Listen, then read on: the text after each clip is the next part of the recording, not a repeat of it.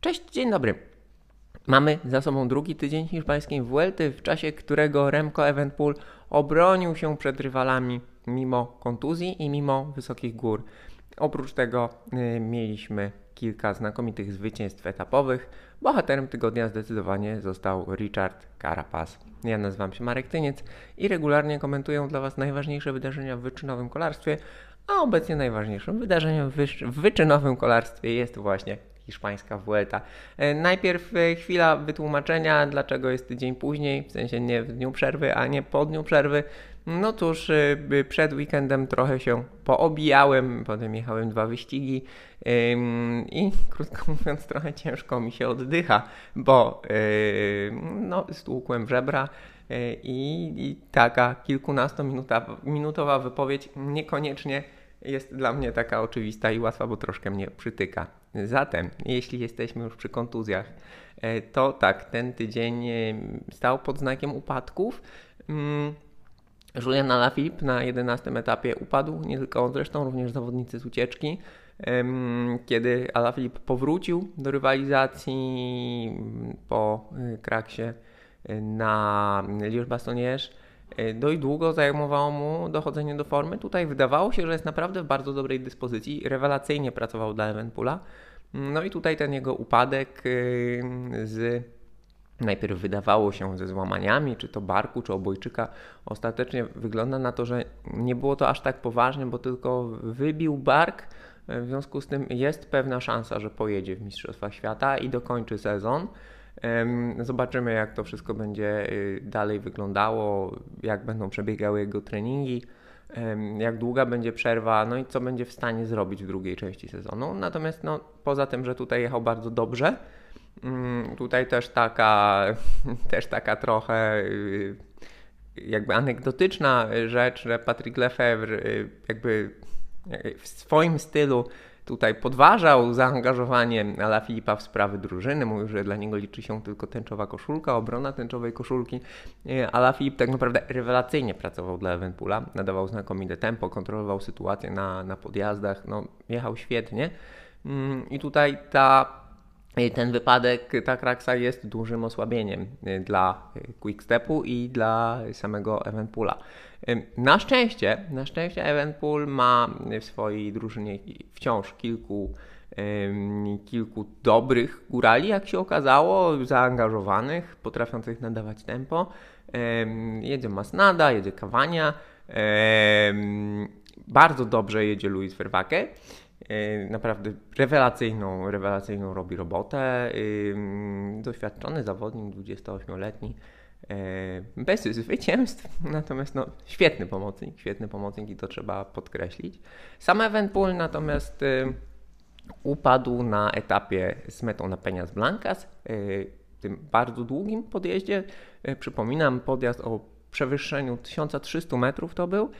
Wszyscy tutaj zwracali uwagę na Sierra de la Pandere, na Sierra Nevada de Peñas Blancas był de facto podobnej długości testem e, i tam Evenpool obronił się e, w sposób e, znakomity przed Rogliczem i przed Masem. Wydawało się w ogóle, że po tym etapie, że Roglicz jakby ma, wstępują w niego nowe siły i że Roglicz generalnie ma się coraz lepiej. Generalnie ma się coraz lepiej, natomiast chyba nie aż tak dobrze, jak nam się wydawało na początku tego tygodnia. W każdym razie, Evenpool na metę tego etapu, który przejechał świetnie, początkowo nie zwróciliśmy na to uwagi. Wydawało się, że jego, ten jego upadek nie był taki groźny, że tylko jakby troszkę otarł udo, no bo wjechał na metę z e, potarganymi spodenkami, było widać jakąś ranę, natomiast realnie wygląda na to, że to jest poważniejszy uraz. I teraz taka kwestia. No, ja się nigdy nie ścigałem w Hiszpanii, nie byłem też zresztą w Hiszpanii. Wiem, że wielu z Was jeździ na wiosnę e, na zgrupowania do Hiszpanii. Natomiast y, Chris Horner, którego śledzę i polecam śledzenie jego kanału, od kilku lat podkreśla Chris Horner, który wygrał hiszpańską Vueltę. On też się dużo ścigał w Hiszpanii, on lubił się ścigać w Hiszpanii, on lubił się ścigać w kraju Basków. Mm, e, zawsze opowiada, że szosy, o tej, szczególnie latem, e, na południu Hiszpanii i zwracał też na to uwagę, kiedy peleton przemieszczał się w dniu przerwy z Asturii na południe, że szosy o tej porze roku są tam bardzo śliskie, bo zalega tam cała masa pyłu, e, który jakby tworzy taki film na, na szosie i te szosy są bardzo śliskie i to widać, kolarze się często wywracają, wywracają się na rondach, wywracają się na zakrętach, co wydawałoby się dziwne, tak? Znaczy uciekają im opony po prostu. Mm, co było, wydawałoby się dziwne, no bo teraz te gumy są naprawdę przyczepne, kolarze jeżdżą na szerszych oponach, często na troszkę niższym ciśnieniu, bo, bo tublesy. Um, Natomiast wciąż te rowery im uciekają, no i przewracają się właśnie na cieśniejszych zakrętach. Horner o tym mówi, wskazuje, że to jest charakterystyka tych dróg. On o tym mówi praktycznie co roku. Co ciekawe, i tutaj mam, jakby nie, nie, nie, lubię jakby komentować pracy innych komentatorów, natomiast nie mówi o tym Dariusz Baranowski, który również lata ścigał się w Hiszpanii, a szkoda, bo y, jakby takiego insightu ze strony zawodnika, który przejechał tych Vuelt wiele, ścigał się na Vueltach, odgrywał na nich kluczową rolę, wspomagając swoich rywali, nawet jeżeli działo się to w dziwnych czasach i te niektóre wyścigi były kuriozalne. Hiszpa hiszpańska Vuelta w początkach lat 2000 naprawdę była kuriozalnym wyścigiem. Natomiast takich informacji o tym, no choćby dlaczego zawodnicy się wywracają w taki trochę e, niespodziewany sposób, e, trochę brakuje. No ale cóż, dlatego polecam śledzenie Chrisa Hornera, który jakby ma swój styl, swój charakter, natomiast często podaje dużo takich właśnie informacji. Dzieli się, niewątpliwie dzieli się swoim doświadczeniem zdobytym na szosach danego kraju, e, w tym na szosach hiszpańskich. E, w związku z tym Evenpool, e, jego strata na Panderze, na kolejnym górskim etapie i na Sierra Nevadzie, na Sierra Nevadzie już nie taka duża, no, była uzasadniona tym, że on po prostu jechał w bólu. Jechał w bólu E, i to, że e, tutaj poniósł, e, poniósł straty do rywali, do, do Masa, do Roglicza, mm, jest uzasadniona. To znaczy wciąż nie wiemy tak naprawdę w związku z tą kontuzją, a ten jego widać było pod spodenkami na niektórych ujęciach, że jego opatrunek na udzie jest duży, że to udo cały jest obandażowany tak naprawdę. W związku z tym nie do końca wiemy, jakie są jego możliwości na dużych wysokościach. Wygląda na to, że praca, którą wykonał przed tym wyścigiem, związana właśnie z treningiem na wysokości, y, z pokonywaniem długich podjazdów, z pokonywaniem stromych podjazdów, że ta praca przyniosła efekty, że Evenpool faktycznie jest zawodnikiem, który nawet jeżeli nie jest w stanie mm, wygrać takiego etapu z tak długim podjazdem, z podjazdem rzędu 45, 50, 50 minut, bo takie mieliśmy testy w tym tygodniu, to jest się w stanie obronić. E, on na Peñas Blancas realnie jechał agresywnie. E, on może nie atakował rywali, ale kiedy przychodziło co do czego, e, był w stanie kontrować, był w stanie kontrować Enrica Massa. Na Sierra de la Panderze no, pokonała go stromizna pod koniec długiego etapu i pod koniec długiego podjazdu, bo tej wspinaczki końcowej, najbardziej stromej na Sierra de la Pandera jest około 25 minut, natomiast tam całe końcowe kilkadziesiąt kilometrów to jest realnie podjazd z takimi krótkimi przegibkami. W związku z tym tego męczenia Eventpoola tam było bardzo dużo. No tutaj trzeba e, wziąć pod uwagę, że drużyna Jumbo jest mocniejsza, e, że mają, mimo tego, że są osłabieni, że są osłabieni wycofaniami związanymi z COVID-em, że nie jedzie Afini i nie jedzie innymi infekcjami, bo Sepkus oficjalnie nie miał COVID-u, tylko jakąś infekcję z gorączką i kaszlem. Nie mają Afiniego i nie mają Sepakusa. Pewnie gdyby mieli Sepakusa, to, to mogłoby wyglądać inaczej. Ale super robotę robi Chris Harper, super robotę robi Robert Hessing, świetnie jedzie, świetnie jedzie Rohan Dennis. Oni tutaj E, robią tempo, ale tego tempa jest za mało, żeby urwać e, Evenpoola. E, również dobrą robotę robią kolarze Astany z Miguelem Angelem Lopezem, który zgodnie z przewidywaniami w takim terenie czuje się najlepiej. To prawdopodobnie jest obecnie najlepszy zawodnik w peletonie, który najlepiej jeździ tak długie podjazdy i kończące się na dużej wysokości. No i dobrze jedzie Movistar, Movistar wspierający Enrica Massa. Tutaj Myślałem, że oni będą jechać troszkę bardziej defensywnie, że będą bronić tego, co mają. E, Mas zresztą nie jest tutaj, e, że Mas nie jest tak naprawdę no, zawodnikiem, który słynie z tego, że jeździ jakoś szczególnie odważnie. E, natomiast tutaj kilka razy atakował. W ogóle znów mamy całkiem sporo ofensywnej jazdy. Ona może nie przynosi takich efektów, jak widzieliśmy to na Tour de France. Natomiast realnie mamy sporo ataków. Mamy sporo ataków na pozycję lidera, mamy sporo ataków z grupy lidera. W zasadzie codziennie ktoś próbuje, y, próbował wcześniej. Evenpool, Evenpool był tym zawodnikiem w pierwszym tygodniu, który jechał bardzo ofensywnie. Tutaj, no, ponieważ Roglic i Mas są przyparci do muru, to również próbują. Y, próbują y, drużynowo, próbują indywidualnie. Zatem naprawdę szacunek dla nich. Co więcej, E, I tutaj e, z kolei odpowiedź jest w, odpowiedź jest w liczbach. E, znów po raz kolejny powiem, powtórzę, że warto jest poza wrażeniem artystycznym, no bo fajnie mamy ofensywną jazdę, która wydawałoby się, że no nie przynosi efektów, więc może być tak, że kolarze jadą konktatorsko, że nie robią wszystkiego, co mogą. E, że może mogliby mocniej zaatakować. Tutaj szczególnie dużo takich e, komentarzy było po etapie na Peñas Blancas, gdzie jakby na to nie patrzeć, no wjechała grupka do mety mm, i, i te różnice nie były takie duże patrząc po, i oczywiście w chwili komentowania etapu, czy w, w, tuż po przekroczeniu linii mety, taka myśl może się pojawić, że kurczę, no może jednak ci kolarze mogliby zrobić coś więcej.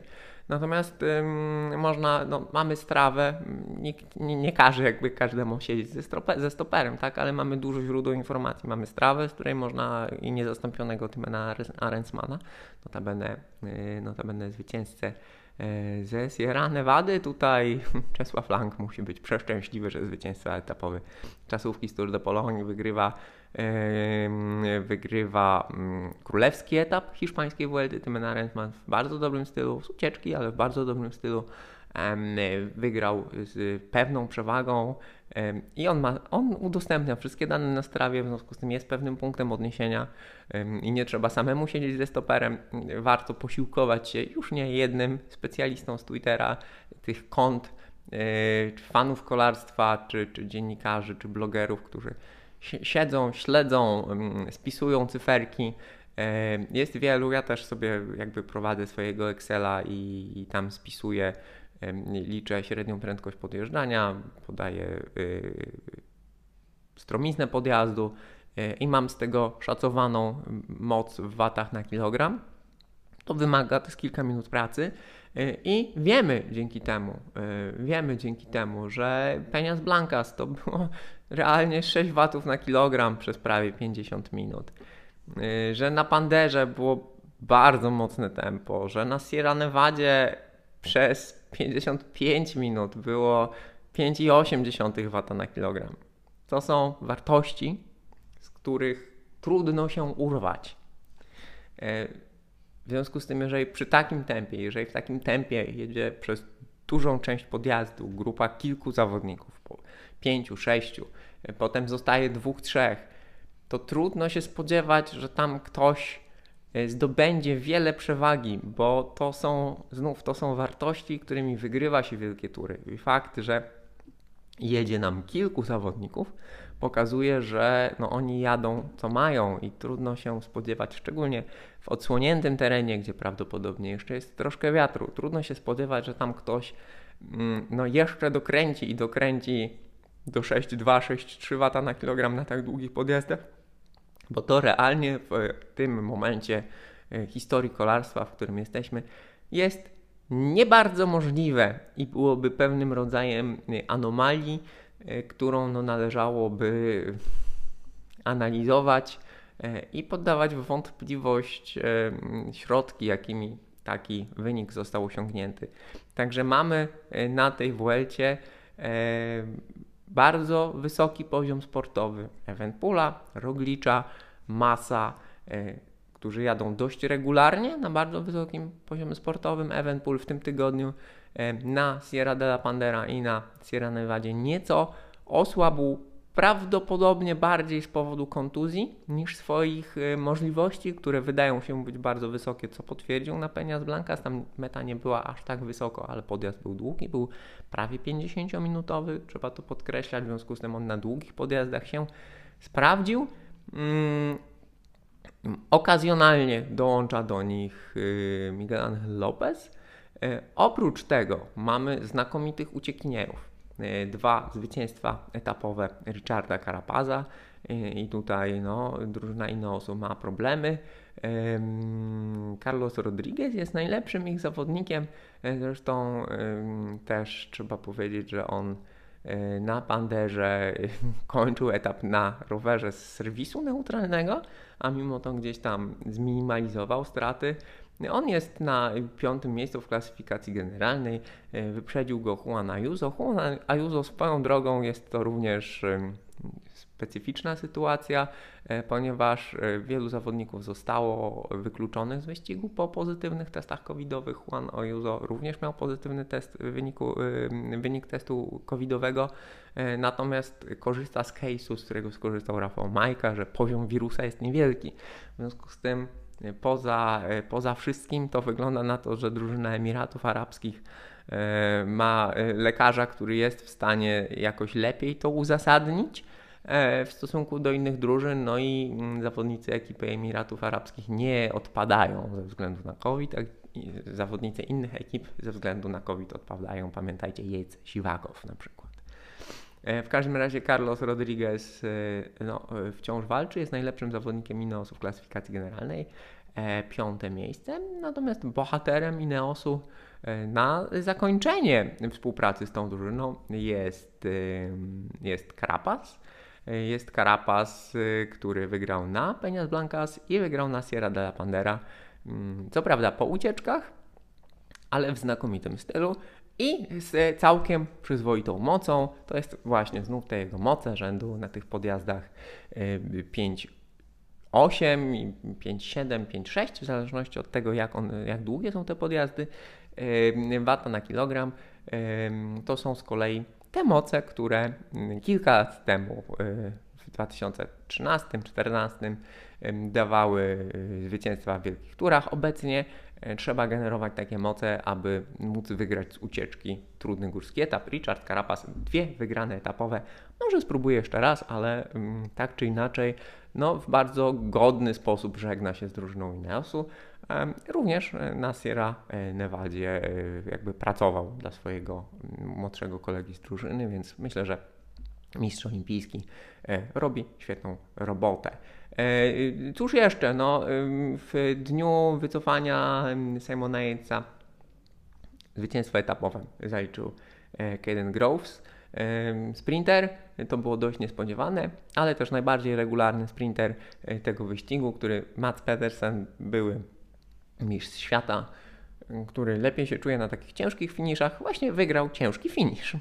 E, wygrał ciężki finisz, jest tutaj niekwestionowanym liderem klasyfikacji punktowej. E, poparł to e, wygraną etapową. Oprócz tego on jedzie trochę w stylu Petera Sagana za dobrych lat, czyli jest wysoko na finiszach, zbiera sporo punktów na lotnych premiach. No i wygrał etap, gdzie po pierwsze sprinterów już troszkę nie było w stawce, y, a po drugie, mm, a po drugie taki ciężki finish. Tam lekko pod górkę, no i był absolutnie, był absolutnie bezkonkurencyjny. Y, ja wiem, że Vuelta kojarzy się głównie z górami, y, natomiast to był świetny finish, taki męczący i on tam zdobył bardzo, bardzo dużą przewagę.